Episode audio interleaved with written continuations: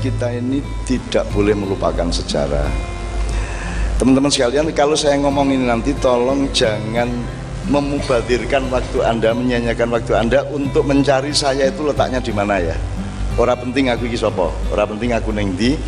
Nek kue takon aku iki jane pro sapa ya jelas aku pro rakyat Indonesia, bangsa Indonesia dan NKRI cetha ya. Itu ya aku iki nek pemilu iki milih apa PDIP apa Golkar apa Nasdem apa Demokrat apa PKS apa liyane apa to saiki PAN PKB sak piturute nek aku ngomong berarti saya melanggar prinsip pemilu yang namanya bebas dan rahasia nek tak omong ke aku milih apa berarti lah rahasia Nah, saya harus menjaga kerahasiaan prinsip pemilu kita. Itu pertama. Yang nomor dua, tujuannya PDIP apa? Memakmurkan rakyat Indonesia. Ya, mengabdi kepada rakyat betul enggak? Tujuannya Golkar apa? Podo toh? Tujuannya Nasdem apa? Podo toh? Mengabdi kepada rakyat. Apa mana? PAN, PKB, Perindo, apa Golkar tujuannya podo podo jadi entuk ora aku anti salah satu dari mereka aku salah nih aku anti Golkar anti PDIP anti PKB anti apa. Wong kabeh jarene ngakune mengabdi kepada rakyat. Jadi saya pro semuanya ngono wae. Perkara sing tak coblos kuwi suatu hari ki apa kuwi? Bebas dan rahasia ngono ya. Jadi saya pro semuanya. Iki iki. Golput ora golput kok ora ngerti ora entuk ngerti. Ya orang ngerti gue biar nih gue ngerti aku golput pora wong ora ana tandone kan gitu. Ya itu yang kedua. Yang ketiga gini Pak Manto ini berarti kan ada trias politika ya ada eksekutif legislatif yudikatif berarti itu sistem modern yang kita ambil dari prinsip-prinsip negara klasik dari filsafat Yunani kuno itu ya. Jadi ini negara modern maka ada yang mewakili rakyat, ada yang bagian eksekusi, ada yang bagian mengawasi dan mengadili dan seterusnya. Ada tiga pembagian. Nah, teman-teman sekalian, saya tidak akan judging, saya tidak akan menilai mana yang baik, mana yang buruk. Sebenarnya sistemnya itu boleh apa saja, yang penting produknya adalah keadilan sosial bagi seluruh rakyat Indonesia. Keraton Yomonggo, Republik Yomonggo, Perdikan Yomonggo, Persemakmuran Yomonggo asal produknya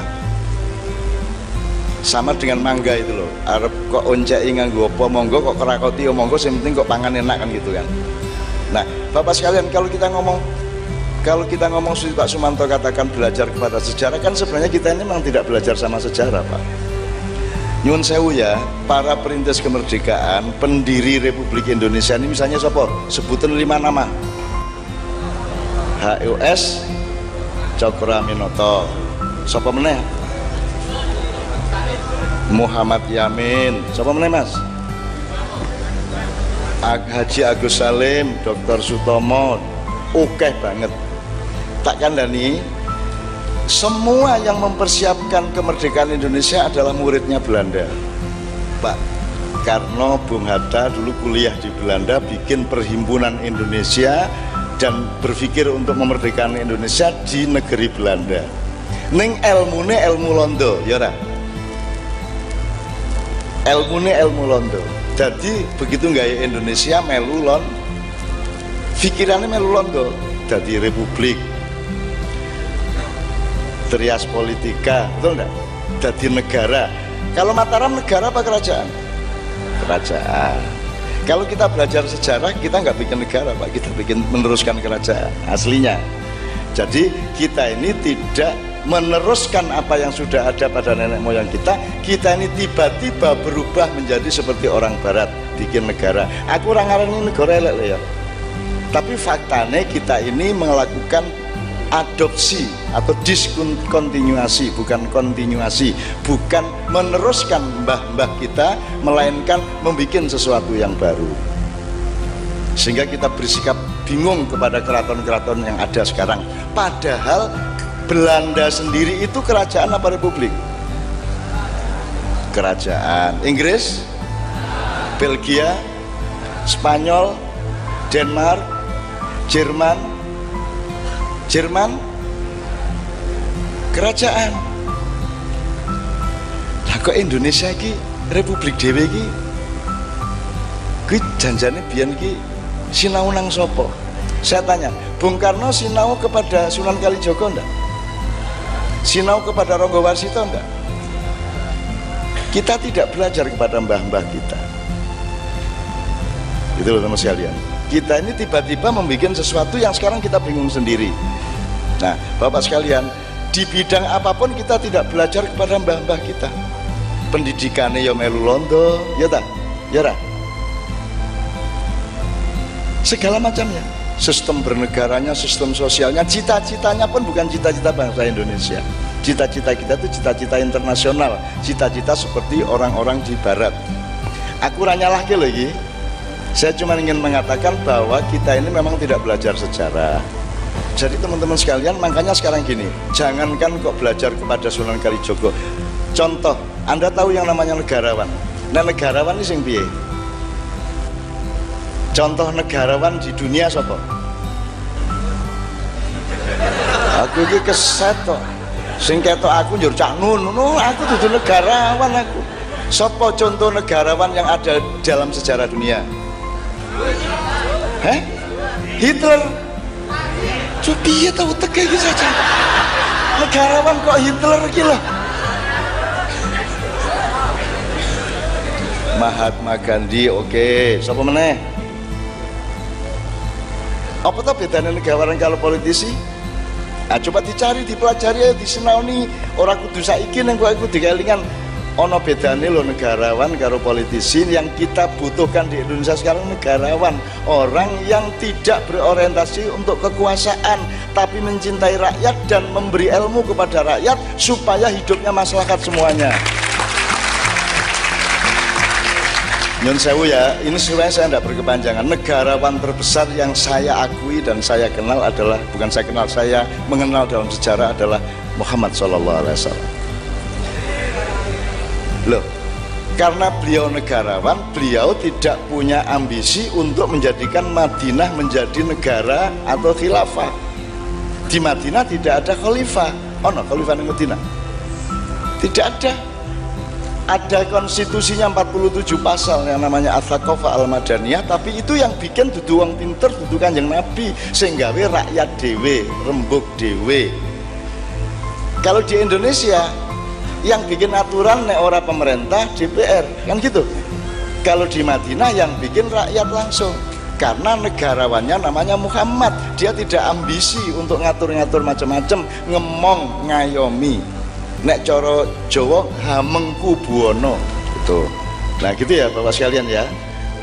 Contoh negarawan. Nah sekarang ini di Indonesia siapa negarawannya? Sebenarnya saya merindukan orang-orang senior-senior kita itu menjadi negarawan. Orang yang tidak berpolitik. Cokroaminoto dulu negarawan yang baik tapi di akhir-akhir hayatnya beliau berpolitik. Gitu ya. Anda menjadi pemimpin boleh hanya kalau Allah menyuruh Anda. Makanya kenal Allah dong. Kapan Gusti Allah ngongkon kapan Gusti Allah ngelarang ki kudu kudu apal. Itu ya. Cokroaminoto agak terlibat di dalam politik. Pak Amin Rais harusnya dia bisa jadi negarawan tapi sangat berpolitik orang salah loh gue saya cuma memberi kategori di telon di gedok loh ya. Ya. Nah bapak sekalian di Karanganyar ini kalau bisa meskipun politisi meskipun ketua DPRD meskipun dandim meskipun kapolres meskipun siapa pun saja jabatannya tapi mohon memiliki jiwa kenegarawanan. Gitu ya. Mohon memiliki jiwa pengayoman. Mohon memiliki jiwa cinta dan kepengasuhan kepada semua rakyatnya dan itu sebabnya saya sama Kiai Kanjeng itu keliling hanya kabupaten-kabupaten ke bawah tidak pernah ke atas karena di kabupaten saya masih punya harapan besar Neneng kene iki kerengane ora kaya ning Jakarta. Gitu loh. Ono sih ambisi ya ono, kepentingan ya ono, tapi kalau di kabupaten masih bisa di masih bisa dieliminir lah, masih bisa diseimbangkan satu sama lain. Oke. Gitu ya teman-teman sekalian. Jadi sekarang soal belajar sejarah jelas ya. Soal negara kerajaan kuwi sing bener sing ndi to jane? opo opo kudu raja kaya Nabi Daud karo Nabi Sulaiman opo entuk orang nganggo institusi kaya ning Medina padha wae to Gusti Allah ngidinke karo karone mergo sing penting dudu negarane dudu kerajaannya sing penting produknya itu keadilan sosial bagi seluruh rakyat Indonesia apa tidak? Betul enggak jadi parameternya sekarang adalah iki memproduksi keadilan apa tidak? Khusus untuk soal sila kelima saya tanya sama anda yang ditempuh pemerintah Indonesia selama ini itu keadilan sosial atau kemakmuran sosial? Kalau anda melihat proyek-proyek pembangunan ini orientasinya keadilan apa kemakmuran nek menurut Pancasila apa? Keadilan. Nek keadilan software apa hardware? Nek keadilan ki ora penting piro sing penting ora ana sing dicurangi. Duitnya selawe ewu gawe wong papat ora apa-apa. Ya sing penting orang ana sing dicurangi orang ana sing ditindas. Itu keadilan. Tapi kalau kemakmuran ya nek ewu ora makmur no kudu satu sewu kan gitu jadi sekarang Indonesia ini menjalankan Pancasila apa tidak aslinya lanjut kapan nek belum Oke, saya tidak mengecam, saya tidak mengkritik, saya tidak melawan. Anda tahu toh? Saya tidak melawan. Saya sudah mengambil keputusan untuk menjadi kancane wong cilik sejak tanggal 22 Mei 1998. Saya tidak akan punya ambisi apa-apa.